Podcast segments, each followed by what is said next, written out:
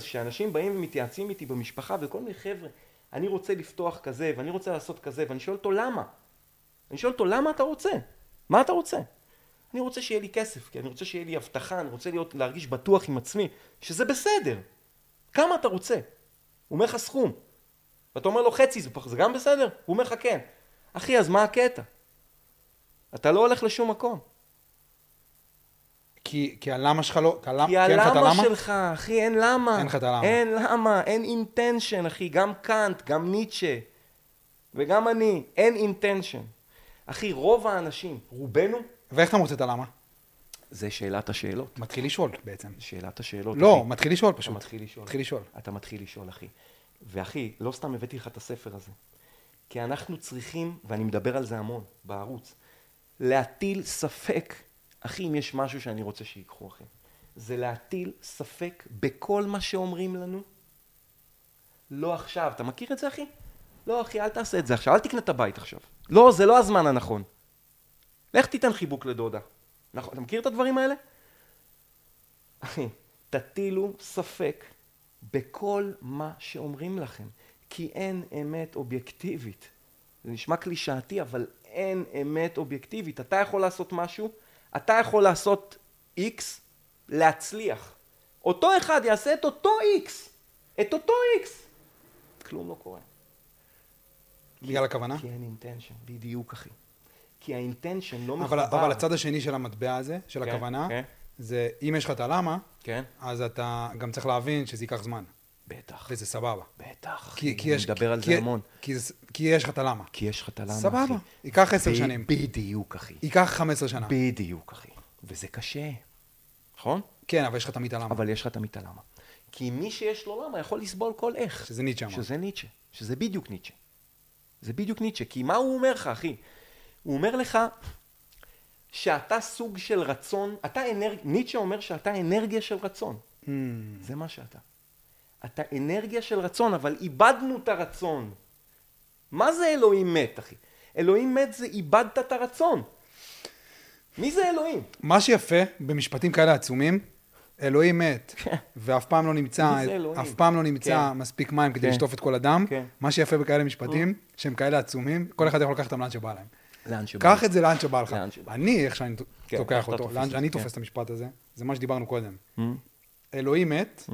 ואנחנו נצטרך למצוא מקום אחר לקבל ממנו משמעות. בדיוק. לשם אני, לשם, אני, לשם אני לוקח את זה, אחי. לשם אני לוקח את זה. אחי, אנחנו הבוראים של עצמנו. אז מאיפה אתה לוקח משמעות בעצם? מאיפה אני לוקח משמעות? כי תראה, אתה, אתה, אני- ב, אתה כן. בדור מאוד ספציפי. כן, אתה תסביר. בן, אתה בן 45, כן. זה אומר שאתה לא, לא בדור של ההורים שלנו, כן. אבל אתה גם לא בדור שלנו בדיוק. נכון. אתה בדור טיפה, טיפה לפנינו. נכון. עכשיו, מה שאני מתחיל להבין, זה שההורים שלנו Hmm? יכלו לשאול את עצמם. נכון. אנחנו כל הזמן שואלים את עצמנו, "מה- איך אני יודע מה אני רוצה לעשות בחיים? כל הזמן אנשים פונים אליי עם השאלה הזאת. איך אני יודע מה אני רוצה לעשות בחיים? שאלת השאלות. שאלת השאלות. שאלת השאלות. אני שואל את עצמי את השאלה הזאת. היום. שאלו אותי את זה ארבע פעמים. אני שואל את עצמי, כל יום אני שואל את עצמי. אני, זה התשובה שלי, אחי. אבל ברגע שהתחלתי לצלול אליה, כן, לשאלה הזאת, כן. התחלתי להבין כן. שהשאלה, ואני מנסה לענות עליה, באמת, כאילו, זה סיפור אמיתי. כן. קיבלתי את השאלה באינסטגרם, אני מקבל שאלות באינסטגרם ועונה עליהן. ואני בוחר בדרך כלל את השאלות שאני רוצה לענות בשביל עצמי. אם זה מעניין אותי לענות על זה בשביל עצמי, אז אני עונה עליה. כן. בדרך כלל. אהה. אוקיי. ואמרתי, אוקיי, יש פה שאלה, איך אני יודע מה אני רוצה לעשות בחיים? שאלה הכי כללית שיש, והכי כאילו, ו- ו- ש- שמתאימה לכולם. כי אנחנו, כי כל אחד שואל את עצמו את השאלה הזאת. נכון. אני רוצה לענות על השאלה הזאת עכשיו, פעם אחת ולתמיד. כן. אני עונה עליה. התחלתי לענות עליה. מה איתך התשובה לפני? חודש. מה התשובה לפני? חודש. מתחיל לענות עליה. כן. עכשיו, שאתה... אני מבין כן. הרבה דרך ג'ורדן פיטרסון. כן. הדרך, מדהים. לה, הדרך לענות על וואו, שאלה מדהים, כן. כל כך כללית, זה לפרק אותה. נכון. מה זה, מה זה אני? נכון. מה זה לעשות? בדיוק. מה זה בחיים? מה זה בחיים? בדיוק. כאילו, כל מילה כזאת, מה זה המושגים האלה? כן, כל, נכון שאנחנו מדברים עליהם כל יום, מה זה זמן? כל דבר כזה זה שאלה. כל דבר כזה. ואני אומר, אוקיי, אני עכשיו לוקח את השאלה הזאת, ואני מוצא תשובה עמוקה, שבאמת יכולה לספק אותי. אני רוצה תשובה מדהים, לשאלה הזאת. מדהים.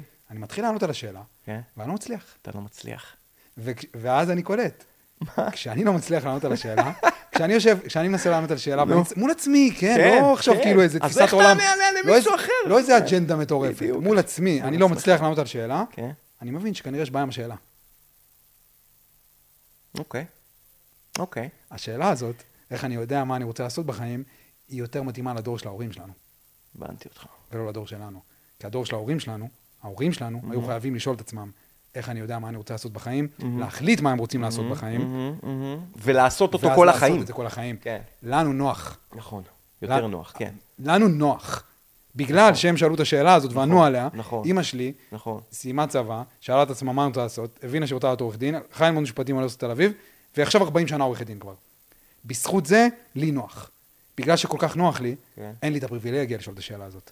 אני איתך. השאלה שאני צריך לשאול את עצמי, זה לא איך אני יודע מה אני רוצה לעשות בחיים, וזה למה אתה במקום ייחודי. כן. כי אתה כבר בתוך קריירה של איזה עשר שנים, לא? יותר 15 אפילו, שנה. כן, כן.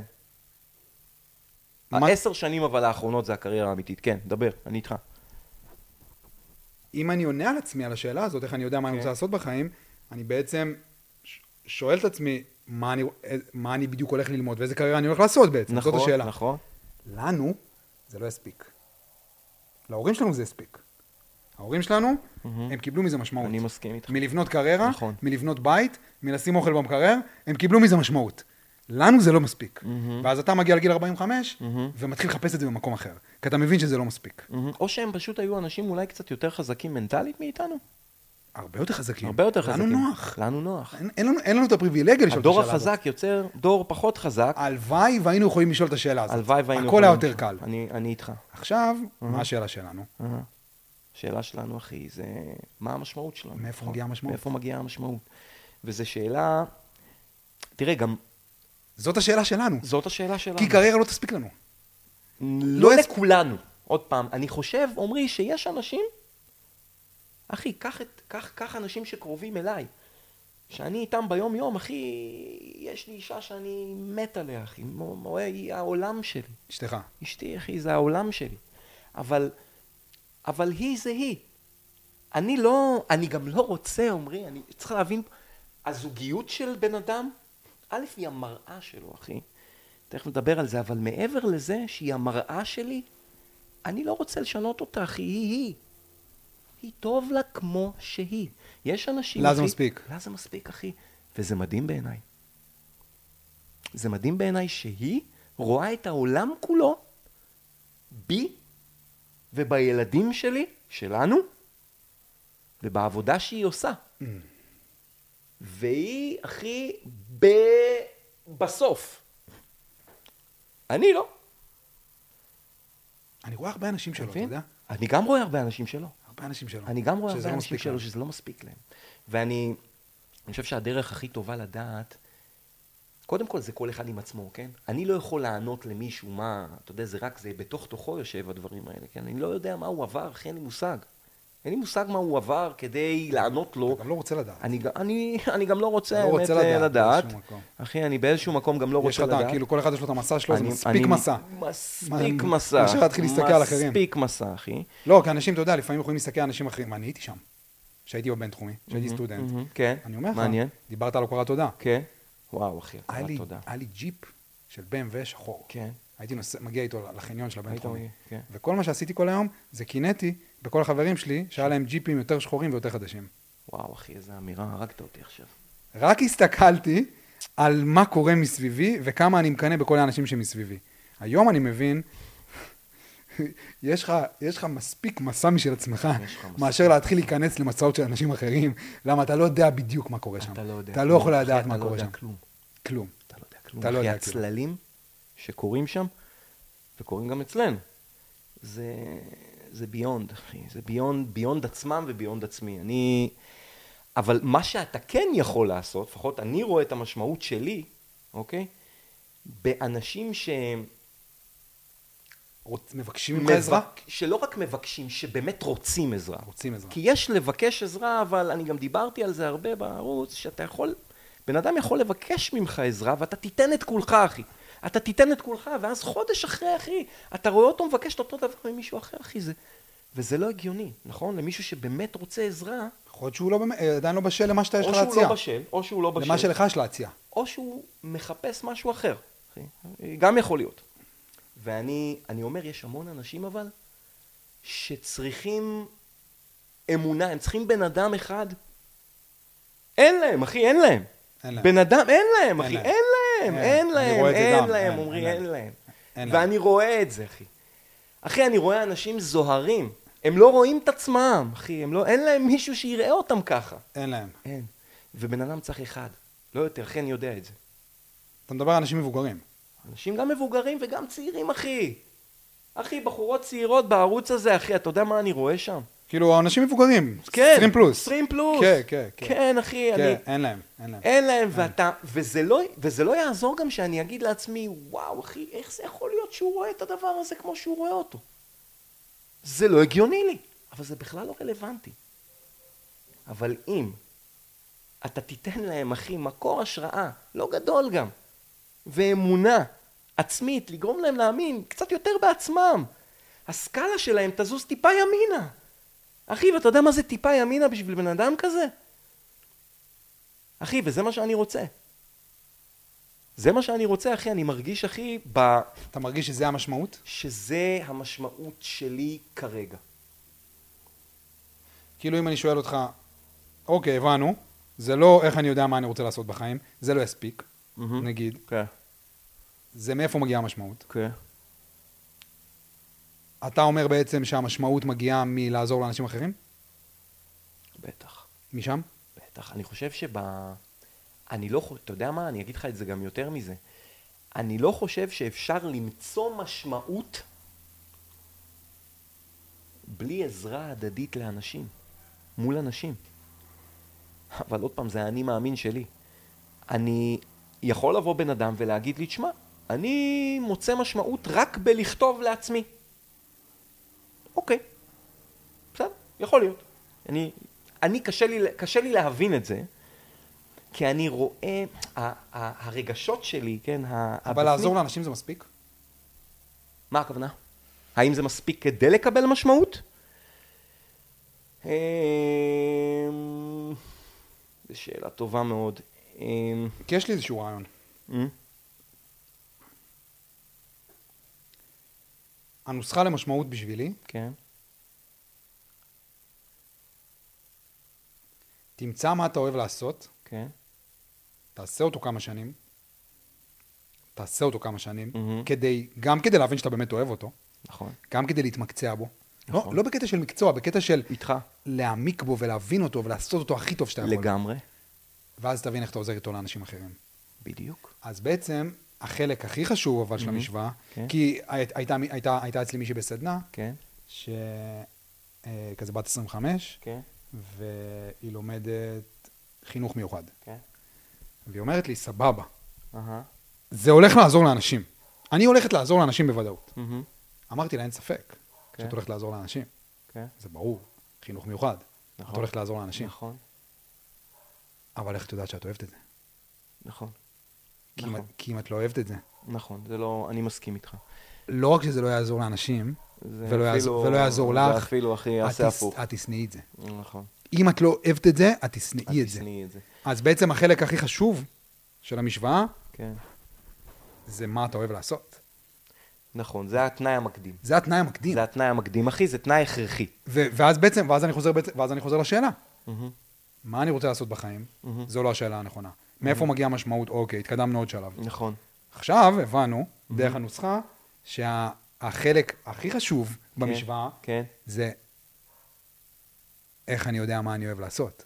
נכון. זאת השאלה. שאלה, זאת, הש... שאלה. זאת, זאת השאלה שהיא זאת שאלה. השאלת פתיחה. פתיחה. זאת השאלת פתיחה. זה מה שהיא. בעצם שאלה, אתה יודע? נכון. כשהיא שאלה את זה. ובן אדם יכול, אחי, לחשוב. אני דיברתי על זה, הוא יכול לחשוב, אחי, שהוא יודע מה הוא רוצה לעשות. הוא יכול לחשוב, למה? כי הוא ראה. הוא ראה מישהו עושה. אחי, הוא ראה מישהו עושה, והוא חושב שהוא גם רוצה. אחי, תחשוב על עצמך, אחי, עמרי. אתה מדבר, רואים אותך אנשים, חושבים שהם גם רוצים. לדבר. הם מתלהבים, כן, הם אוהבים את זה. הם רואים אותך, הם מתאהבים בקונספט. הם רוצים גם. אבל מה הלמה? אין למה עדיין. אין הם למה. רק חושבים, אין למה. והם עושים. ואז הם מגיעים למצב שהם טיפסו כבר על, כמעט על כל ההר, אחי. הם טיפסו, הם פתחו, הם עשו, הם הגיעו, הם פה, וזה מדשדש. הם השקיעו המון, וזה לא זז. זה לא זז מספיק. והם גם לא מרגישים. כי הם לא עשו את זה מספיק זמן? כי א', הם, כי הם לא מגיעים מאינטנשן טהור. מה שהאינטנשן אבל נותן, מהמם. זה את הדלק. זה את הדיוק. זה גם את הדלק להמשיך לעשות את זה כשקשה. בדיוק. אתה מבין? בטח. אז אולי אין... ואז הם נשברים. ואז הם נשברים. הם נשברים. אבל מה כשהם לא מקבלים מספיק לייקים. בדיוק. כשהם לא מקבלים מספיק לייקים. שם הם נשברים. בדיוק. כי כן. צריכים את האישור החיצוני, כי עוד כן. פעם, כי ה intention לא מדויק. כן, כן, אתה מבין? כן. כי ה intention לא מדויק. ואז זה למה הלכתי ללמוד משפטים. כי אימא שלי עורכת כן. דין, וכל יום היא חזרה עם כל כך הרבה תשוקה בעיניים, כי היא... שאתה חשבת שזה מה שאתה רוצה. בדיוק. והלכתי ללמוד משפטים. בדיוק. כי ראיתי את ואז התשוקה עשית בעיניים. את זה, נכון? ואז עשית את זה. וברחתי. וטיפסת על שלושת רבעי ההר, הגעת כמעט לסוף ההר, אני בטוח שאתה סופר מוכשר. הייתי עורך דין אחי, היית ליגה. אחי, ו- ואחי, והגעת לכמעט לטופ של ההר, אבל אז הבנת את הדבר הבא, תקשיב עמרי. הבנת שאתה צריך לרדת עכשיו עד למטה, כן, כדי להתחיל לטפס שוב בכיוון אחר. כן. ואז לכבוש את הפסגה. כי כשאתה תהיה למטה, שם אתה באמת, אולי, אולי, אתה תבין מה האינטנשן האמיתי שלך, כשהדברים מתפרקים. כשהדברים יתפרקו? לך. כן, מכיר את? הספר, בטח, אחי. זה ספר קשוח. ספר קשה להבנה קצת בהתחלה. תשמע, הרעיון בו של פמה ג'ורדון, פמה, צ'דרון. כן, הרעיון שלו הוא מאוד פשוט. כן. מאוד פשוט. כאילו, אני יכול להגיד לך, זה הרעיון של הספר, אתה לא צריך לקרוא את הספר. הרגע הזה, כשהדברים... יש בזה משהו. אני עכשיו, כשאני- כשאני כשאני אעלה את זה, אז אני אשים תמונה של הספר. הרגע הזה, כשהדברים... ואני מדבר עליו בהרבה פודקאסטים. ואתה יודע, אני מדבר, אני חוזר על עצמי כל הזמן, ואנשים כזה, כאילו, לפעמים אומרים לי, אבל אתה מדבר כל הזמן על אותם דברים. אז ואני אומר, ואני אומר, כאילו, ואני אמשיך לדבר על הדברים האלה כל הזמן, כי לפעמים בן אדם צריך לשמוע משהו מאה פעם, נכון. במאה צורות שונות. אני מסכים איתך לחלוטין. בפלטפורמות שונות, כדי, עד שזה יחלחל. בדיוק. אז זה הדברים שאני מדבר עליהם, ואני תמיד אדבר עליהם. וזו השליחות שלך. אז כי- פמה צ'ד- אז פמה צ'דרון, ב- במשפט, כל, כל הרעיון של הספר. הרגע הזה שהדברים מתפרקים, כן. שאתה מבין שעורך דין, אתה כבר לא הולך להיות, כשכבר, אין. כשכבר אין לך מערכת יחסים, שההורים לא מבינים אותך, שחברים. שלך לא מבינים, בדיוק. במה אתה נאחז, כשאין לך יותר אחי? במה להיאחז, זה אין לך הרגע. במה להיאחז, ואז זה הרגע. זה על זה יונג מדבר גם. ועל זה ניטשה מדבר. על ה... וגם אני דיברתי על זה בצמיחה מתוך אפלה, אחי. רק משם. רק משם. רק משם. כן. כי אבל האפלה מפחידה. המאף... היא גם שוברת. היא גם אומר- שוברת כשאתה- אנשים. כשאתה אומר שוברת, אתה מתכוון שלא היא- לא הספקתי, זה היה לי כל כך קשה להיות שם, אז ברחתי משם, ולא הספקתי לראות את האור שב, שבקצה האפלה. בדיוק מה שאני אומר. זה- אני אומר שבגלל שה... איך אפשר לברוח מהאפלה אבל? שאתה לא מוכן לרדת יותר לעומק של עצמך. אבל איך אתה יכול לברוח מזה? כי אתה בוחר לעצמך עוד איזה פייק, והולך עוד פעם לעוד מקום כזה. נאחז עושה עוד במשהו? סיבוב, כן. נאחז במשהו? נאחז במשהו אחר, עוד סיבוב. אותו דבר אתה עושה, רק במקום אחר. תלוי כמה עולה על עמוק. הר אחר, אחי. תלוי כמה עמוק הגעת לתוך האפלה. תלוי כמה עמוק הגעת לתוך... אם הגעת מספיק עמוק, אתה לא יכול לצאת. נכון, אבל- ויכול להיות שלבן אדם, יכול להיות שלי ולך אולי זה ייקח פעמיים, ולמישהו אחר זה ייקח עשר, ולמישהו אחר זה פעם אחת. וזה מאוד תלוי בהתפתחות הפנימית שלך, עם עצמך, מה עברת, איפה אתה נמצא, מה השגת, כמה אתה מחובר, אתה יודע מה אחי? כמה אתה מחובר לרגש. כמה אתה מחובר לרגש. אתה יודע איפה אני תופס את זה? כשאני מסתכל על אנשים. היום אני מסתכל על אנשים אחרת לגמרי ממה שהסתכלתי כשהייתי בן אה, 35, הייתי בן אה, 30. אתה באמת רואה אותם? אני רואה אותו, כי אתה רואה את עצמך. כי אני רואה את עצמי. בדיוק, זה בדיוק, אחי. כן. כי כשאתה מסתובב, אתה- כשאתה מסתובב מסביב לעצמך, כשאני יושב שם בקיוביק באינטל ומקשקש שם קשקושים, זה... אתה בכלל לא מבין, לא רק שאתה לא מבין מי אתה, אתה... ה- הקונספט שלך בכלל של... של מש... בכלל, הקונספט שלך של משמעות הוא ריק. הוא ריק, אתה כולך ריק, אני לפחות, כן? בגיל 35. אתה חייב לרדוף אחרי אישורים חיצוניים בעצם. אתה חייב לרד... לא רק שאתה חייב... טייטל, כסף, רכב. טייטל, כסף, רכב. אתה חייב. אמ, כן, אה, כאילו, להתקדם שם ב- בעבודה, כל מיני דברים כאלה. ו- לינקדין, אתה חייב. לינקדין, אתה חייב. אתה חייב. כי, כי אתה לא... כי אתה, כי אתה, כי אתה לא קיים אם לא. וה- ו- ו- והשלב הזה שבו אני התחלתי להוביל קבוצות, להוביל אנשים, עזוב קבוצות, להוביל אנשים, אבל להיות מחובר לאנשים. אני לפני שנתיים הובלתי קבוצה מאוד מאוד גדולה, אבל איבדתי את הקשר שלי לאנשים. היה לי מנהלים תחתיי, עמרי ולא, ואיבדתי את הקשר עם האנשים. אז עזבתי. עכשיו עוד פעם אמרו לי, רגע, מה אתה עושה? תגיד, אתה גנוב? מה קורה איתך? אתה מלך פה. מה אתה, מה אתה עושה? אחי, אבל אני גם הבנתי שאני חייב להיות, אני חייב, אני חייב להיות מעורבב עם הבן אדם. אני חייב להבין מה הולך, אני חייב להרגיש אותו. ואם אני יוצא החוצה ואני מסתכל רק מלמעלה, זה לא מעניין אותי, אחי. זה כמו ההופעה של ליאונרד כהן. זה לא מעניין אותי, כן. באחת ההופעות שלו בישראל. מה? בירושלים, אהה. שנות ה-70. כן? הוא עלה להופיע והוא לא הרגיש. אה, הוא לא הרגיש. והוא עצר את ההופעה באמצע.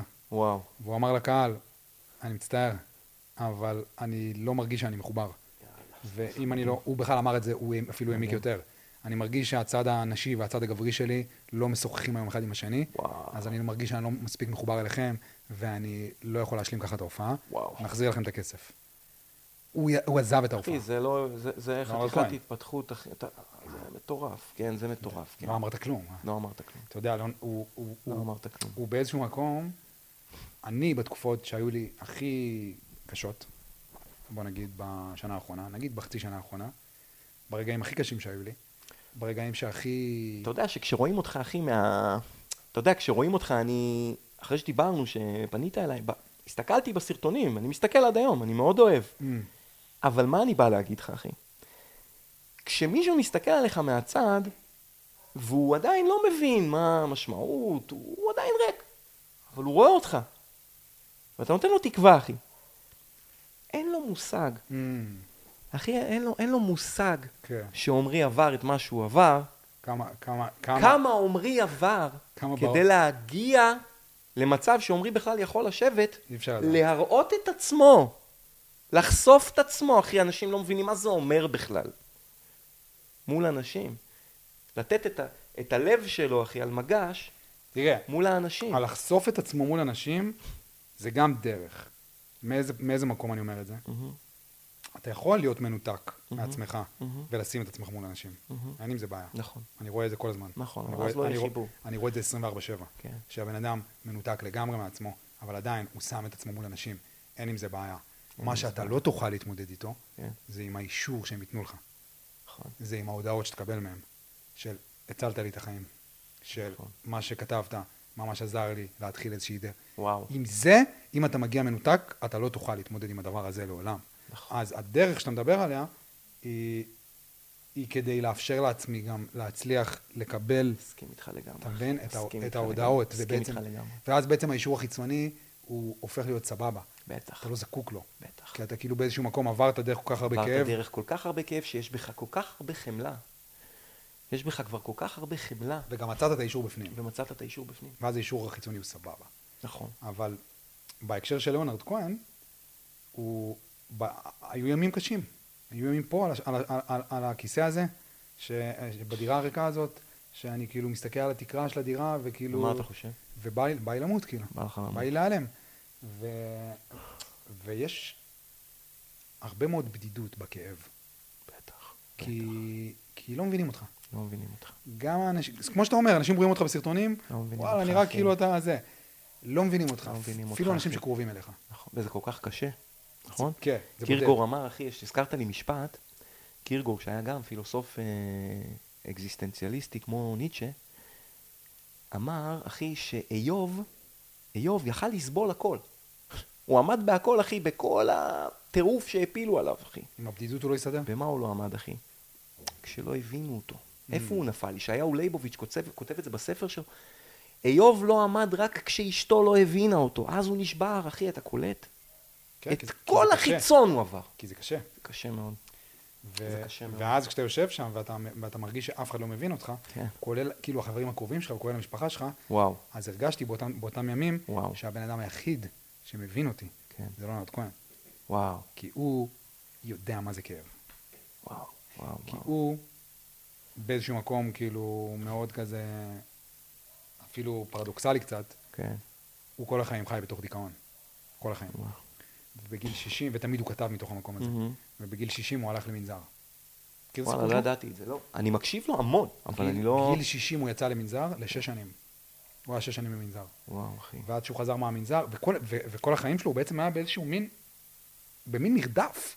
אחרי נשים, ואחרי תהילה, ואחרי כסף, וש, וזה לא מילא אותו, הוא תמיד היה לא בדיכאון. זה לא מילא אותו, הוא לא הבין למה. זה לא יכול למלא. לא יכול, אבל הוא לא... זה לא יכול. מדבר איתך על שנות ה-70. בטח. הם לא, הם לא ידעו את זה אז. נכון. הם לא ידעו את זה אז. נכון.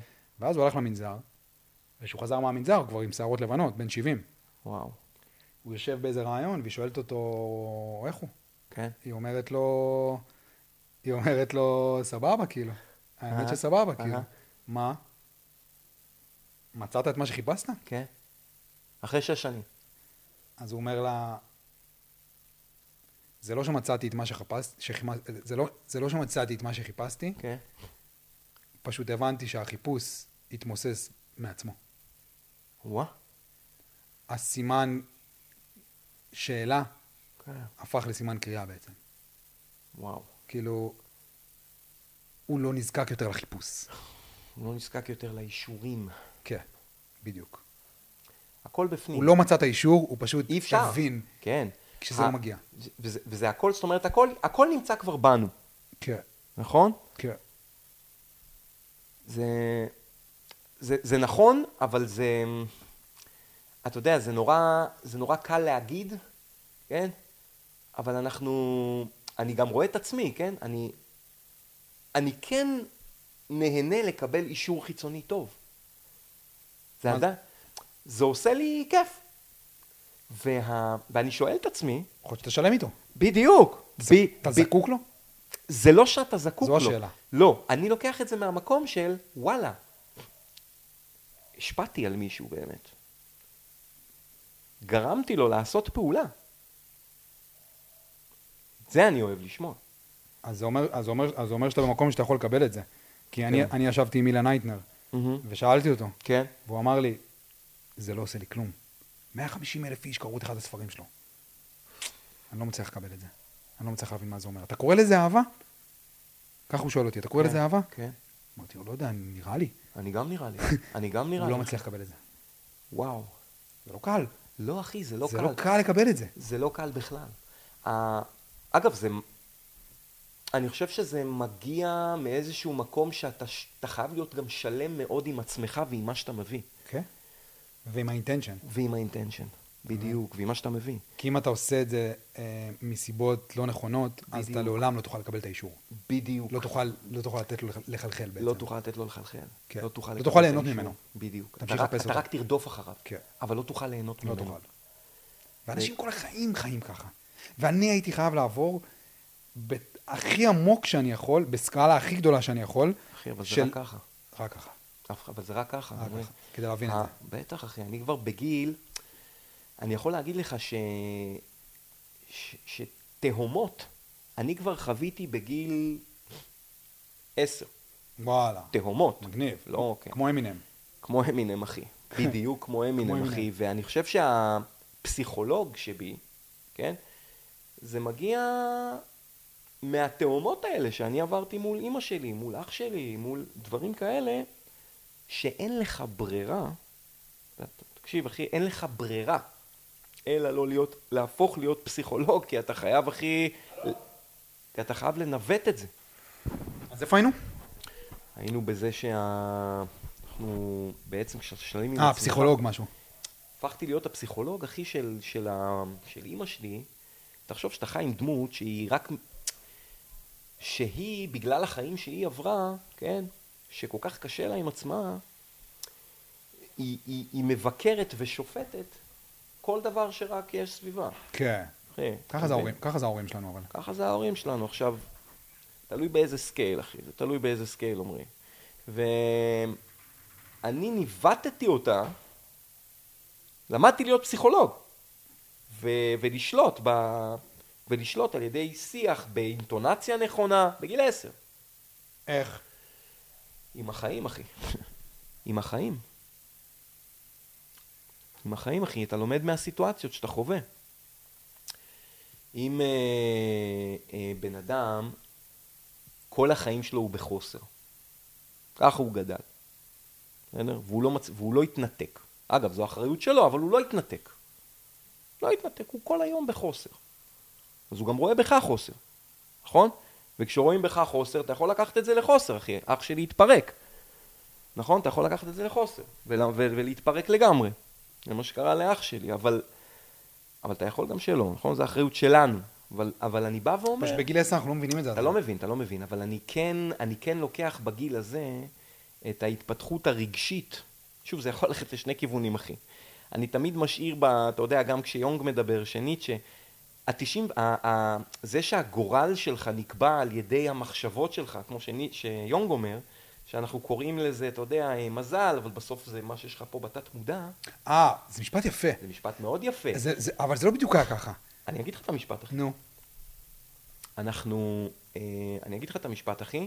עד כל של- עוד אנחנו לא נהפוך את המודע, את התת את מודע. התת מודע שלנו למודע, הוא ינהל את החיים שלנו, הוא יקבע את המציאות שלנו, אחי, ואנחנו נקרא לזה גורל. בדיוק. ו... זה נכון, אה? וזה... אני, אני, אני, אני מתייחס לזה בקפדנות, אני לוקח את זה כ-99.9, למרות שאני סופר מאמין, אמרתי לך במחשבה מייצרת מציאות. סופר מאמין. יודע, לא מאמין, יודע, יודע, אבל אני משאיר את הבזיק הזה, את המאית אחוז. אתה אומר שיש הבדל בין אמונה ל- לידיעה? כן. איך אתה רואה אמונה? אמונה זה כשזה עוד לא קרה. לא, מה זה אמונה בשבילך אבל? אמונה בשבילי זה... זה לחשוב, אוקיי?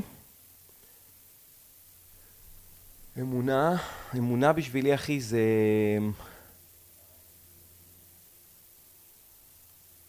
זה היאחזות.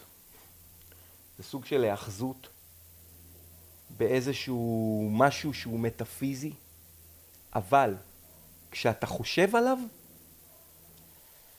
אתה מוצף בכל כך הרבה רגשות, אני מוצף בכל כך הרבה רגשות שמניעים אותי קדימה.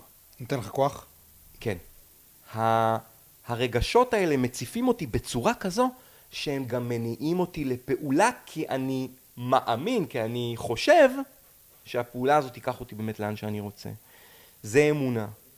והידיעה זה כשזה קורה. כשזה קורה. Mm. כשזה קורה אני יודע. אני יודע היום שמחשבה מייצרת מציאות. אני יודע את זה. אני יודע את זה. אף אחד לא יכול להגיד לי שלא. אבל, אה. אמונה, אבל באיזשהו מקום אמונה, אם היא אמיתית, היא חייבת להיות ידיעה, לא? אבל מה זה, אבל לפני שהיא ידיעה היא אמונה. אין דבר כזה שאתה גורם למשהו לקרות. אז זה לא אמונה. לא, אני אומר, אין דבר כזה שאתה גורם למשהו לקרות במציאות שלך לפני שהאמנת בו. אין דבר כזה, אחי. אם אתה... אני אומר, אני אומר משהו אחר. מה אתה אומר? שעצם ה- להחזיק באמונה, כן. זה ה- לגרום למשהו במציאות שלך לקרות. לאו דווקא, לדעתי. עם האמונה האמיתית. עם האמונה האמיתית... אני לא מדבר על אמונה באלוהים ודברים לא, לא, כאלה. לא, לא, לא, מדבר אני איתך. אמונה- אמונה. בטח. באהבה. אמונה בעצמך. אמונה באהבה. מה, באהבה? כן. בטח. כן. אבל- עצם זה שאתה מאמין. מאמין והאינטנט, שאני חוזר בחזרה למה אני מדגיש את זה. אני מאמין שאני ראוי לאהבה, בסדר? אוקיי, אני, נניח שאני מאמין שאני ראוי לאהבה. אתה מאמין שאתה ראוי לאהבה. נניח, אגב, אני רק אשחיל לך משפט, שהאמונה המקבילה שאתה לא ראוי, היא הזדונית ביותר. היא הקשה ביותר. היא הרבה יותר קשה מבן אדם שלא מאמין שהוא יכול. יש הבדל עצום בין השניים. נדבר על זה אם תרצה, אבל אני חוזר לזה שאני אומר, נניח ואתה מאמין שאתה ראוי לאהבה. למה אתה מאמין שאתה ראוי לאהבה? מה, מה הסיבה? מה, מה הסיבה? אני, אני שואל את עצמי, אני שואל את עצמי. הסיבה שאני ראוי לאהבה, מבחינתי, זה כי אני מרגיש שכשאני מחובר רגשית לבן אדם, אני יכול לתת ממני המון ערך בשביל אותו בן אדם, בשביל בכלל, אנשים. אני, בזה אני מאמין. זה למה אני מאמין שאני ראוי לאהבה, כי כשאני מחובר רגשית לבן אדם, כשאני אוהב בן אדם, אני אוהב אותך. אני לא מדבר על אהבה אה, מול בחורה עכשיו. בכלל, על בני אדם. יש בי משהו באינטואיציה שאני אוהב אותך. למה אני בכלל יכול להגיע למצב שאני אוהב אותך? זה רק כי אני מרגיש שאני ראוי לאהבה. כי אני רואה בך תכונות, אוקיי? אני רואה בך תכונות שמעוררות בי איזשהו רגש, שאני יודע שאני יכול למלא גם אותך בערך. אני לא יכול לעשות את זה כשאני ריק. איך אני אאמין שאני יכול למלא אותך ערך אם אני ריק, אחי? אני לא אסתכל לך בכלל בעיניים. ה- אבל להאמין שאתה ראוי לאהבה זה מספיק? או שאם אתה מרגיש שאתה לא ראוי לאהבה, מהמם. כמו הנקודת פתיחה של 99.9% מאיתנו, מהמם. לא כי ההורים לא אהבו, כי פשוט הם לא ידעו איך להראות את זה. כן. כמו, ש, כמו שלאונרד כהן בשנות ה-70-80 לא ידע בכלל שהוא בלופ, כי לא הייתה מודעות אז. אז גם ההורים שלנו. לא ידעו איך להראות את זה, נכון. וגם כאב להם להראות את זה. כאב להם להראות את זה, אחי. נכון? כי לא הראו את זה להם. אז ב-99.9% מאיתנו, הנקודת הפתיחה שלנו היא שאנחנו לא מאמינים שאנחנו ראויים לאהבה. מה נכון. שאני שואל, אם אתה חושב שזה מספיק להגיד לעצמך שאתה מאמין שאתה ראוי לאהבה, לא, אני לא אוקיי. חושב שזה מספיק, אחי. אני חושב שה... שרק ברגע שאתה... שאתה תחווה משבר, כן? שאתה תהיה, שאתה תזהה את, ה... את השדים שלך, כן? את, ה... את האפלה שבך, כן? את זה שאתה נניח, אה, לא משנה מה, אה, אה, עצבני. אנשים עצבניים, אבל הם לא מודעים. זה בשיר, זה, זה, זה באוטומט. אבל ברגע שאתה מתחיל להיות מודע ל, לעצמך, בכלל, לאפלה שבך, שאתה מתחיל לראות את הפגמים, אתה מתחיל לראות את הפגמים שבך, ולעבוד על עצמך. לעבוד על עצמך, אחי, זה בשליטתך. כן. זה מה שאפיקטטוס אומר בדיכוטומ- בדיכוטומיית השליטה. זה בדיוק מה שהוא אומר, אחי. כלום לא בשליטתך, אבל זה כן. לעבוד על עצמך. העבודה העצמית שלך. זה והיא- אתה. והיא חייבת להיות מול ה... היא חייבת להיות לפני הכל. לא יכול להיות כלום, לדעתי, בלי שאתה ממלא את עצמך, ואני אגיד לך יותר, הרמת התפתחות שלך העצמית היא השיקוף, היא השיקוף החד-ערכי של המציאות שלך. כי ברגע שאתה עובד על עצמך ואתה ממלא את עצמך, לא רק שאתה מרגיש שאתה ראוי לאהבה, אתה... כל הסטנדרטים שלך הולכים בצורה, אחי, בצורה ליניארית יחד עם ההתפתחות האישית שלך. כאילו, ה... מה, מה הכוונה סטנדרטים? הסטנדרטים, ה... מה אני רוצה בחיים שלי? איזה אישה, נניח. אני, איזה, איזה סביבה אני רוצה סביבי, אחי? אחי, אנשים נעלמו לי מהסביבה כל פעם שזינקתי צעד אחד קדימה. וחדרו לי לסביבה. ואתה מרגיש אבל שהתהליך הזה של הראוי לאהבה, הוא משהו שהוא כזה...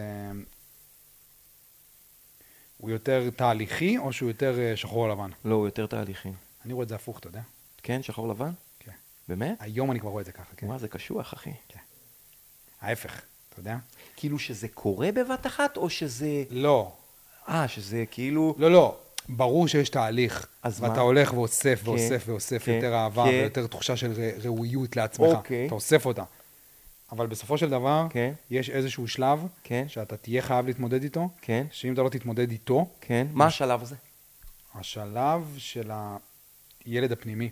Mm, כי, אוקיי, אני לגמרי מרגיש שאני ראוי לאהבה. mm, אני, עמרי של היום. כן. כן, לגמרי. אבל יש בו איזה ילד שם בפנים. מה זה יש בו? זה מי שאני. זה מי שאתה. הילד הזה, כן. זה עדיין מי שאני. זה אם הוא שאתה. לא ירגיש ראוי לאהבה, אז זה כן. לא משנה כמה אני ארגיש ראוי לאהבה, אני מסכים איתך. לעולם אני לא באמת ארגיש ראוי לאהבה.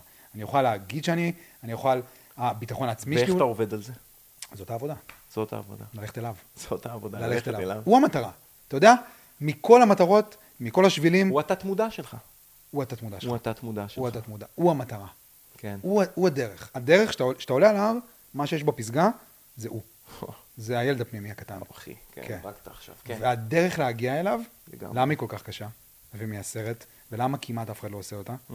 כי כדי להגיע אליו, אתה תצטרך לעבור בתוך כל הרגש המודחק, כן. שנמצא בינך לבינו. בדיוק. מהילדות. ולזהות אותו. להרגיש לד- אותו. להרגיש אותו על להרגיש עצמך. אותו. בדיוק. וזה הדבר הכי מפחיד בעולם. הכי מפחיד בעולם. אין, אי אפשר לעשות את זה. הכי, זה סופר קשה. כי יש אשמה. ודחייה. אשמה ודחייה. אתה מבין? אשמה ותחייה ופחד ובושה. ובושה. זה רגשות שהדחקנו בגיל שנתיים-שלוש, והדרך לחזור אליו, אל הילד הפנימי הזה, זה יהיה חייב להיות דרך הרגשות האלה. אני מסכים איתך. הכל זה דרך רגשות, כן? כל התהליכים שאנחנו עוברים הם, הם, הם רגשיים. אגב, ניטשה, עם כל זה שהוא אמר שהמוסר, אין מוסר ואלוהים מת, אז זה מה שאלתי אותך קודם, זה מה שהוא אמר שאין מוסר? הוא אמר אין מוסר, אחי. ומה הוא, הוא אמר בעצם, אבל? הוא אמר, תראו, ב... אתם באים ואומרים לי, אל תעשה ככה, אל תגנוב, הדת, נכון? כן. הדת, אה, כן. עשרת הדיבור. אל תרצח, אל תכבד את אביך ואת אמך.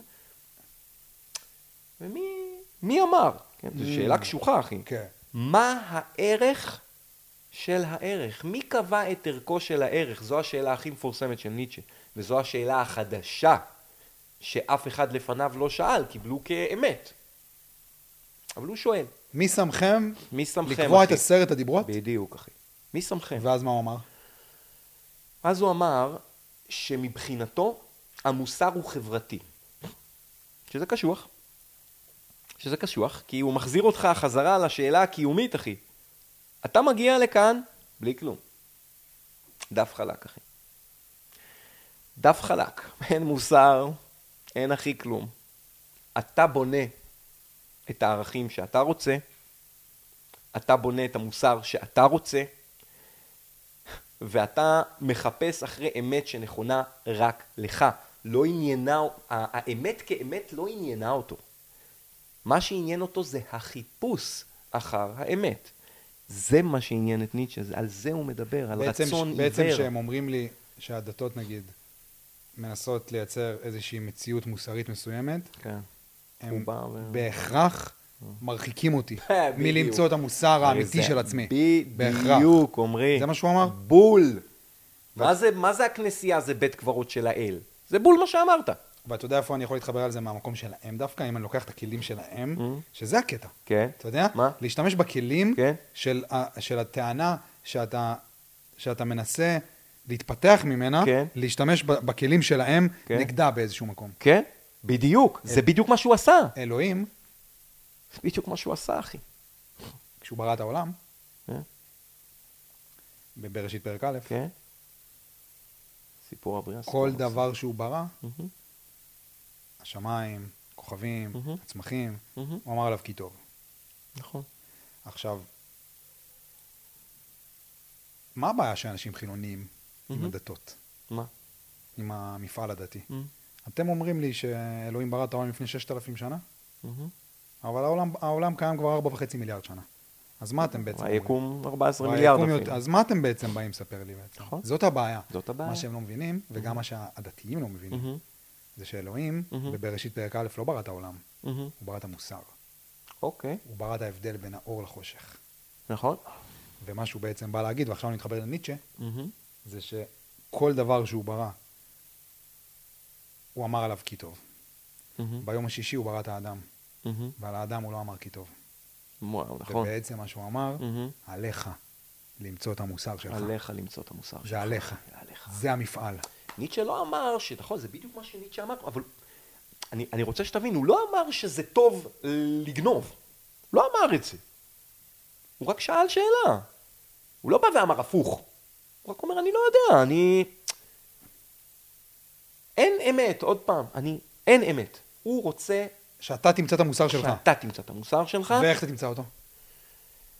מה שהוא אמר, אוקיי? ואני מתחבר. בוא נלך איתו. בוא נלך איתו. אחי. בוא נלך איתו, אחי. בכל זאת, אם כן, ללכת עם לא- מישהו, לא. אני- אם ללכת עם מישהו. אני מוכן ללכת עם ניטשה. אתה יכול ללכת איתו בבטחה. אחי. ומה שהוא אמר, שהדרך שלנו למצוא את האמת, או את המוסר שבו אנחנו רוצים ללכת, זה דרך הרגש הפנימי שנמצא בתוכך, כאשר אתה אבל נטול. אני אומר רגש כי הוא ביטל את השכל. השכל רק מפריע לך. שכל הוא אשלייתי. הוא אשלייתי. הוא רק מחסום בדרך לעמוק, לרגש הפנימי שלך, לרצון העיוור שלך. על זה הוא דיבר. שופנהאואר, המורה שלו כביכול, דיבר על רצון עיוור, וניטשה ממשיך את זה. אתה זרימה של רצון, אבל אתה לא יכול לדעת מה הרצון, כי האנליטי פה הורג אותך, וזה לא אתה. זה המגננות שלך. זה המגננות שהטילו עליך. כן. אל תקנה עכשיו, זה לא הזמן. ואתה פה פה פה פה פה מריץ. אז מה הוא אומר בעצם? ואז הוא אומר, אתה האדם על הזה. זה אותו אחד שיצליח לנתק מעצמו את כל המגבלות, מה שהוא לא הצליח לעשות בעצמו. בעצמו. כן. כי אני תכף גם אספר לך איך הוא מת. ומה שהוא לא הצליח לעשות בעצמו, ברגע שהבן אדם יסיר מעצמו את השלשלאות האלה, את הכלא של ה mind? של ה mind, ויוכל להתחבר למה שיושב לו עמוק בתוך הרגש. אל הרגש הוא דיבר המודחק. על הרגש. והוא גם אמר שאתה תגיע לרגש רק כשאתה תשמע מוזיקה. זה מה שהוא אומר. אוקיי. זה מה שניטשה אומר. והוא דיבר על וגנר, ולמה וגנר הוא האלוהות, המוזיקה שלו. בגדול, אבל הוא מדבר על זה, ש... וגם הולדת הטרגדיה, הספר הראשון של ניטשה ותולדות המוזיקה, זה מדבר בדיוק על זה. על, ה... על, ה... על הרגש, שרק משם האמת שלך תגיע, ושהאמת, אתה תגיע אליה גם כשאתה תשמע מוזיקה, שמוזיקה היא המקור האלוהי מבחינתו. הוא מדבר על אלוהים פתאום, כן? הוא קצת סותר את עצמו הרבה פעמים. אז שמה, מההורדה של השלשלאות ומהירידה לתוך הרגש, שם אתה תמצא את שם המוסר? אתה תמצא את המוסר שלך. והוא לא הספיק לעשות את זה? והוא לא הצליח לעשות את זה זה. קצת כמו מה שאמרנו קודם על הילד הפנימי, לא? לגמרי. ללכת אל תוך הרגש המודחק. בדיוק ככה. הוא זה לא בדיוק הצליח מתחבר. לעשות- הוא לא הוא לא הצליח הצליח? אחי. מה, מה ניטשה? ניטשה, אחי, בגיל 44 לדעתי, 1889, הוא רואה עגלון מכה סוס. ניטשה שאמר שאין מוסר. אין מוסר, נכון? הוא רואה עגלון מכה סוס וזה הורג אותו. הוא לא מצליח, אחי, לעצור את עצמו מלרוץ לעגלון ולעצור אותו מלהרביץ לסוס. והעגלון בועט בו, אחי. וניטשה מתמוטט, זה ב, לדעתי ב, באיזשהו מקום בפירנצה, מתמוטט מול העגלון הזה והולך לאיבוד ל-11 שנה, עד שהוא מת. משתגע והולך לאיבוד, הוא כבר לא איתנו. ניטשה מת ב-1889, ו- ו- וזה קצת אירוני שהבן אדם שאומר שמה ערכו של הערך, מה ערך המוסר, רץ כי הוא לא יכול לסבול שמישהו מרביץ לסוס ומת. והוא, בכה אמר זרטוסטרה, שזרטוסטרה הוא יוחנן המטביל, הוא לא האדם על, הוא זה שמנבא את האדם על, את המשיח, שניטשה לא הצליח להגיע אליו, שברגע שאני ואתה אומרים נצליח להתנתק ממה שאימא שלך אומרת לך. אחי, זה כמעט בלתי אפשרי. לא מסכים. אני רק אומר את זה. לא מסכים. לא מסכים? לא. זה הדרך. זה הדרך. זה הדרך. השאלה אם אפשר להגיע. זו שאלה, זו תראה. שאלה, אחי. אתה יכול להגיד שכן, אבל אולי בתוך תוכנו... אני יכול להגיד לך ששם האמונה שלי. מדהים. מדהים. אני, אני איתך. זה מדהים. שהדרך שאני עושה עכשיו, כן? כשאנחנו מדברים על הילד הפנימי, כן? אז אוקיי, סבבה, הגעת אליו. כן. עברת בתוך האשמה, עברת בתוך התחייה. עברת בתוך התחייה. הלכת על ההר, הגעת לפסגה. הגעת לפסגה. הלך, הגעת לפסגה, כולך, כולך חתך. חתכים מדם בפנים. הסנדלים שלך נקרעו, הגעת, כן. הלכת, הגעת עד הפסגה, עברת בתוך האשמה בגיא ובתוך צל התחייה. מוות, אחי. הגעת, והוא עימדי, כן? התמודדת עם, הד- עם, עם. החרדה והדיכאון וכל מה שהגיע, והבדידות והכל כן, הגיע, כן. הגעת לפסגה. בפסגה מחכה לך הילד הפנימי שלך, כן. הוא בן שלוש. הוא לובש אוברול ג'ינס כחול וטישרט לבנה. וואו. ו- והגעת אליו, ואתה הולך אליו, והוא יושב מתחת ל... עם פנים עצובות, וואו. בישיבה מזרחית, על הרצפה של המטבח, מתחת, וואו. מתחת לשולחן, בבית של ההורים שלך. מתחבא, אחי. יושב כן. עם פנים עצובות, והוא רואה אותך ואתה רואה אותו, והגעת אליו, וחיבקת אותו. ואז קורים שני דברים. מהמם. קודם כל, אתה מבין שאתה לא צריך יותר כלום. ברגע שחיבקת את הילד הפנימי שלך, מהמם. אתה מבין שאתה לא צריך יותר כלום. זהו. לא אישורים חיצוניים ולא שום דבר. מצאת את עצמך. הכל טוב. מהמם. אני לא צריך יותר כלום. כן. אני, אני, אני איתו, ואנחנו הולכים, ואנחנו, אני והוא נגד העולם. וזה כל מה שיש גם, כן. זהו, זה מה שיש. כל השאר זה. באמת איזושהי סוג של מראה. אשליה. זה, אתה מבין שאתה אתה חזק. אתה פתאום לראשונה בחיים מרגיש חזק. זה דבר ראשון. דבר שני שקורה, ופה אני מתחבר לשאלה, מהמם. אתה מרים את הראש אחרי שחיבקת אותו והרגשת את האלוהות הזאת בעצם. כן. אתה מרים את הראש, ואתה רואה עוד מלא מלא מלא פסגות. ומה שהפסגות האלה באות להגיד לך בעצם, כן. זה שסבבה שהגעת. עשית דרך ארוכה כדי להגיע. עברת, עוד. עברת דרך הריקנות, ועברת דרך הכאב, ובסוף הגעת. מדהים. אבל עכשיו, עכשיו אתה מתחיל את המסע. בדיוק. בדיוק. כי עכשיו, הילד הפנימי שלך מתחיל לגדול. בדיוק. הוא כבר לא בן שלוש. ויש לו רצונות שאתה מתחיל להבין מה הם. אתה מתחיל לשאול אותו. אתה מתחיל לשאול מה אותו, אתה רוצה? נכון. והוא מגיע לגיל ארבע, מה אתה רוצה עכשיו? ובגיל חמש, מה אתה רוצה עכשיו? נכון. ואיך שאני מדמיין את זה, מהמם. וזאת האמונה שאני מחזיק, שהדרך הזאתי, כן, מהרגע שהגעת אליו, כן. זה בעצם שם, זה החלק השני של הדרך. זה הדרך- החלק השני של הדרך הדרך. הזאתי, אני מסכים. היא מתישהו תתקזז עם עצמה איפשהו בגיל ואז 60. אתה בג- תהפוך- איפשהו בגיל 60.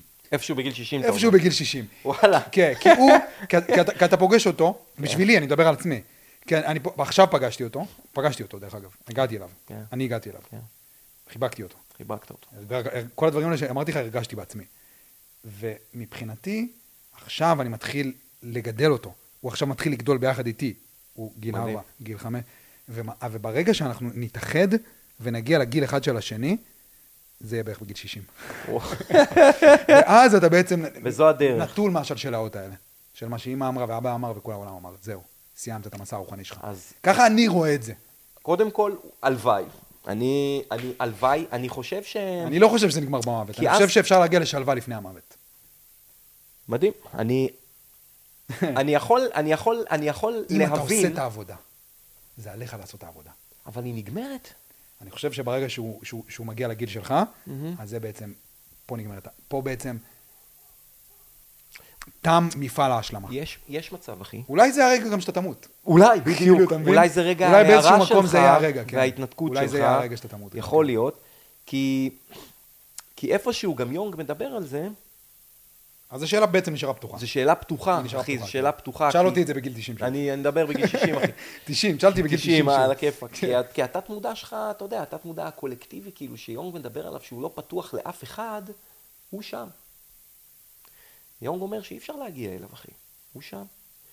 הוא לוקח את מה שאפלטון אמר, שאתה מגיע מעולם האידאות כשאתה מגיע לעולם הזה. ועולם האידאות שהיה לפני שהגעת לכאן, איתו הגעת, הוא צרוב לך פה בראש. אגב, אפלטון שהטביע את המונח... ואיתו אי אפשר להשלים? ואיתו אי, אפשר, לה, אי אפשר להגיע אליו. אליו. Mm. הוא תמיד יהיה שם. והוא ינחה אותך, אחי. אתה זוכר מה הוא אמר? התת מודע שלך, אחי, הוא זה שמייצר את המציאות, ועד שאתה לא תבין שהתת מודע שלך מייצר את המציאות, תקרא לזה גורל. אז יונג שם על זה וטו. אני, על מפעל ההשלמה? על מפעל ההשלמה, כי גם ניטשה, למה? אם אתה מגיע כי על אדם- זרטוסטרה הוא יוחנן המטביל. עובדה שניטשה לא קרא לזרטוסטרה אלוהים, אין אלוהים. אבל מה זה על אדם? זה לא זה לא הבן אדם זה, השלם? זה הוא. זה זה, הוא, זה. ההוא שאתה מדבר עליו, אחי. כן. זה בדיוק הוא, אבל עובדה שאת הגיבור שלו, בספר האחרון שלו, זרטוסטרה, בספר הכי הכי, פסגת היצירה שלו, הוא עדיין שם אותו יוחנן המטביל. הוא המשיח. הוא לא על אדם, אין על אדם. אז גם ניטשה. ואגב, יונג, אחי, יונג עזב את פרויד רק בגלל ניטשה. יונג התנתק והלך לכתוב את הספר האדום, המיסטי שלו, שממנו הוא הגיע למסקנה שכששאלו אותו אז ברעיון האחרון, אם הוא מאמין באלוהים, שאלו את יונג, לא יודע אם ראית את זה, הוא אמר, אני לא מאמין, אני יודע. אחרי שהוא כתב את הספר האדום והתנתק מזה, זה בגלל ניטשה. כי הוא אמר לפרויד, תקשיב, אחי, על מה אתה מדבר? עם כל המיניות שלך. תפסיק כבר עם כל המיניות הזאת. זה הדת שלך. יש. זה הפכה להיות הדת שלך. בדיוק, יש מעבר. כן. ואז מה הוא מצא בניטשה? ובניטשה הוא מצא את זה שלא לקבל אמת כמובן מאליו, הוא, הוא, הוא, הוא רוצה להגיע לאמת שלו, ובאמת שלו מה היא? של, של יונג. הוא מדבר על שני דברים. הוא מדבר על ה... קודם כל על כל התת מודע הקולקטיבי, נושא בפני עצמו, שכביכול אין לך איך, אין לך איך להגיע אליו, הוא חסום. יש את התת מודע הלא קולקטיבי, של כל אחד ואחד מאיתנו, אבל יש תת מודע קולקטיבי שהוא שלי ושלך אומרי אותו דבר. כי אנחנו מגיעים שנינו מעולם האידאות של אפלטון. הגענו לעולם הזה, הוא מאמין, זה מיסטי לחלוטין. זה יונג.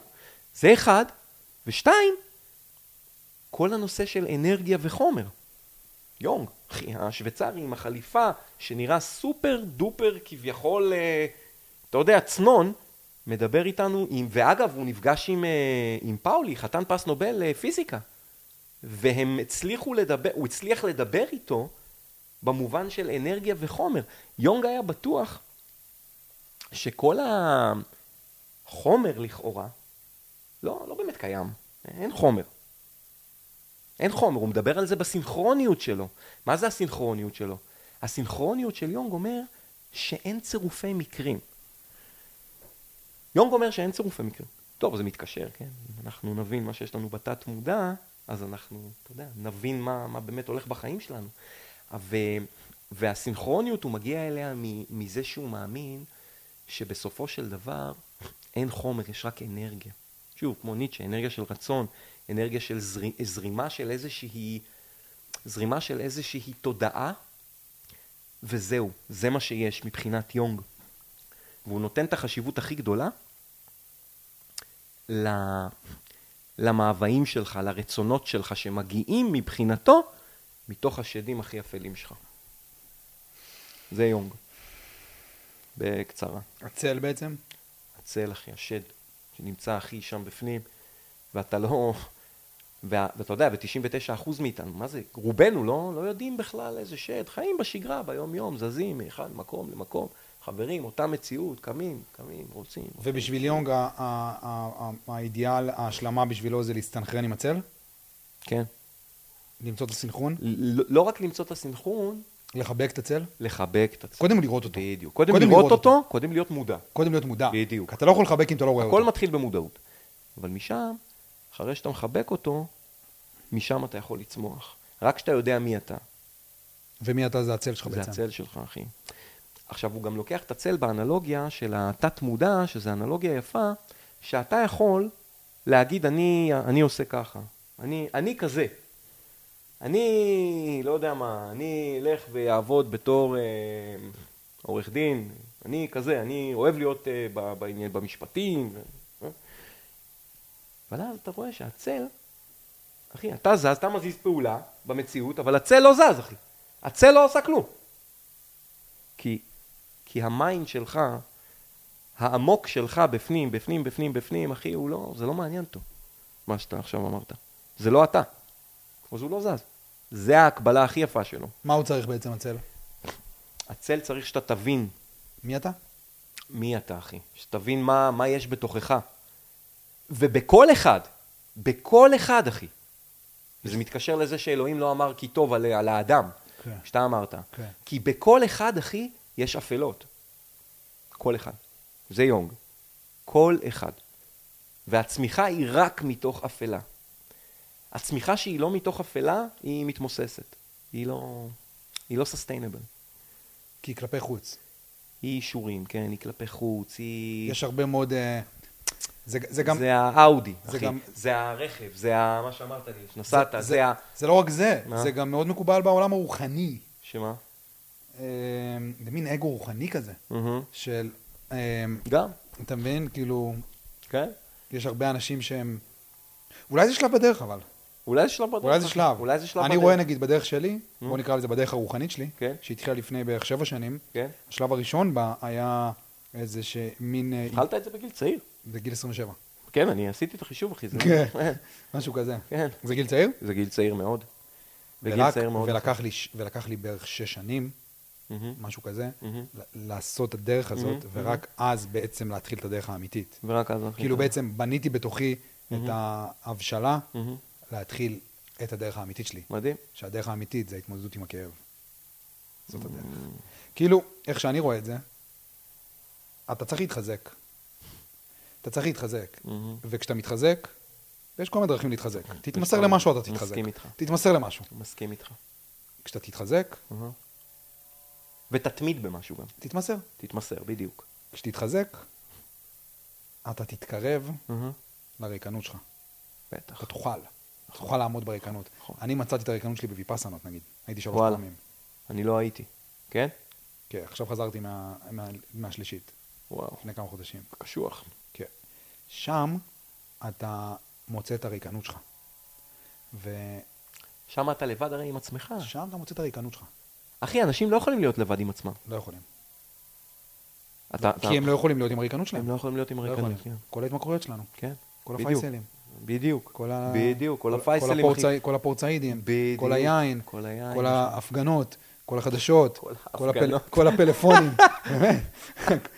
זה הכל, כל ההפגנות, זה הכל הדרך שלנו, כל ההפגנות. כן, זה. הכל הדרך שלנו, זה לגמרי. להסתכל במראה, להסתק... לראות שם בן אדם שלא מקיים את ההבטחות שלו לעצמו, ופשוט לברוח ממנו. וואו, אחי. זה זה. אתה יודע, בדיוק על מה שדיברת איתי בהתחלה, הסרטון ההוא ששלחו לך, אני מדבר על, ה, על הערך העצמי גם, שהכרת תודה מגיעה במקום, במקום העמוק שלה, רק מאיזשהו ערך עצמי, איזשהו משהו שאתה, שיש לך בתוכך, כן?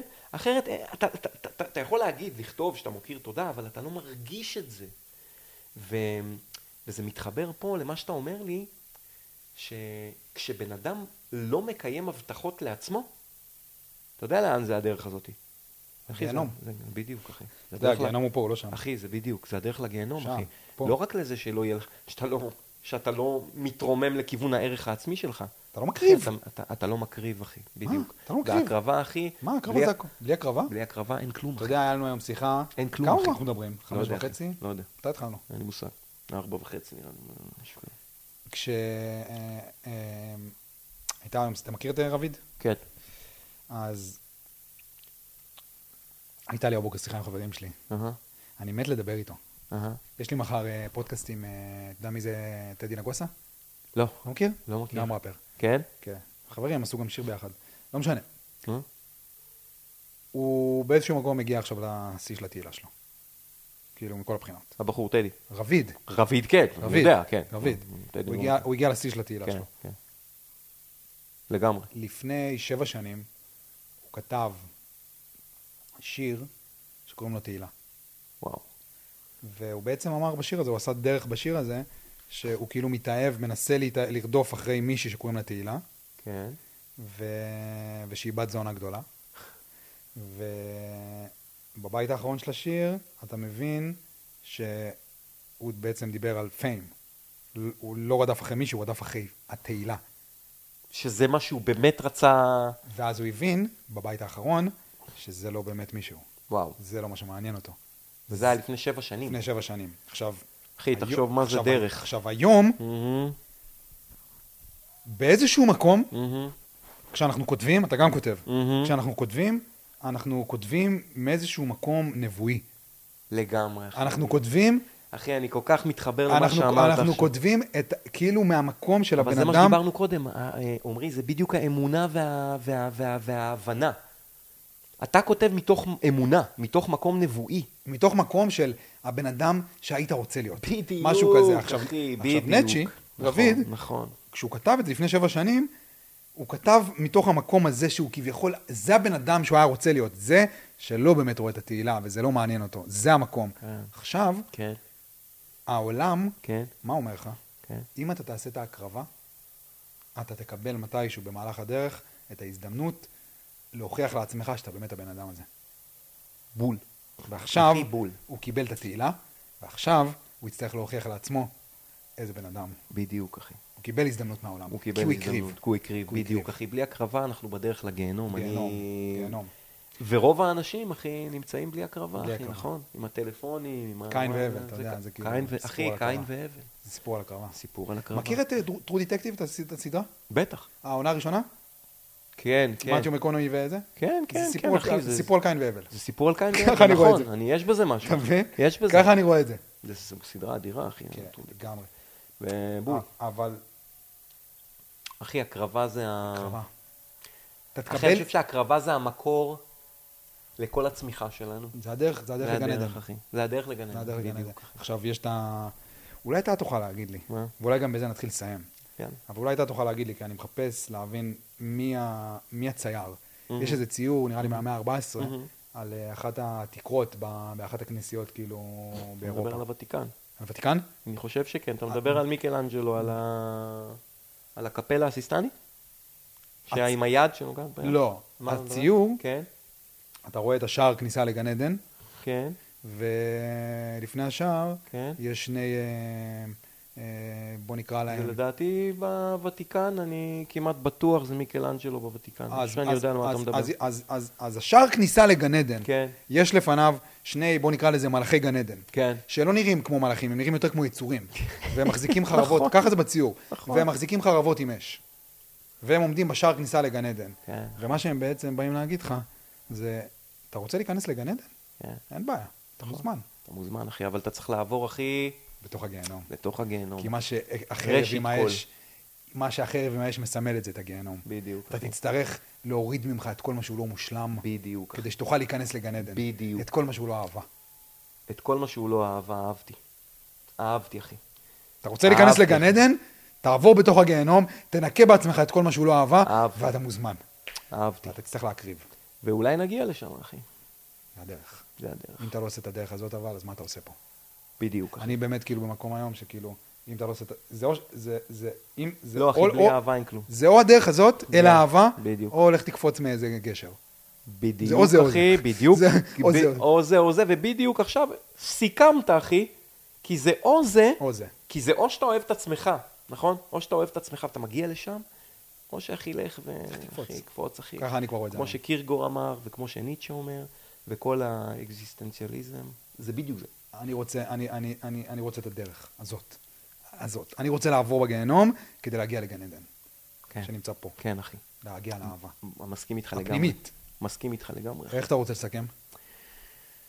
אמ, היה פה פודקאסט טוב. וואו, היה אדיר, אחי. היה אני ממש טוב. נהניתי, אחי. מעניין, אני אקרא אני- לפרק, נראה לי, אה, כי אני רוצה שמי שישמע את הפרק הזה, כן. אני רוצה שזה יהיה אנשים כן. שבאמת מתעניינים. אתה יודע, היו פה, נאמרו פה דברים, היה פה שיח כאילו שהוא, פה שיח שהוא טיפה יותר כאילו, אתה יודע, עמוק ופילוסופי. מאוד. ואני רוצה לקרוא לפרק ניטשה. יונג אה, ואפלטון. משהו כזה. תן לו שם. שיראו כאילו זה, כאילו- לגמרי, כאילו-. כאילו זה השיח של הפרק. לגמרי, אחי. אני רוצה, אחי, לסכם גם ב...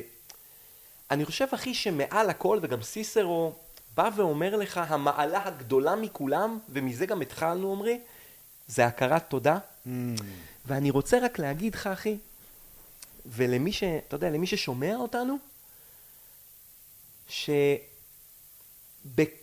נקודה שאתה נמצא בחיים שלך, אחי, בכל נקודה, לא משנה איפה אתה נמצא, באיזה בור עם שדים שמרוקנים מים ואין לך סולם עכשיו. אתה תמצא על מה להגיד תודה, אחי. דווקא שם. דווקא שם. כן, דווקא שם. אתה תמצא, אתה, אתה תגיד לעצמך על מה אתה אומר תודה.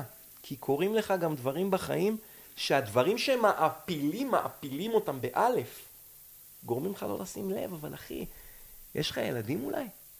תגיד, אתה יודע מה זה? תגיד, אתה, אתה על הגג. בכלל מבין מה זה אומר? תעלה על הגג ותצרח. שיש לך ילד, אחי, אתה... זה נס. אז לשים לב לדברים הקטנים, אחי, כי הכרת תודה היא המעלה הגדולה מכולם. כן, לגמרי.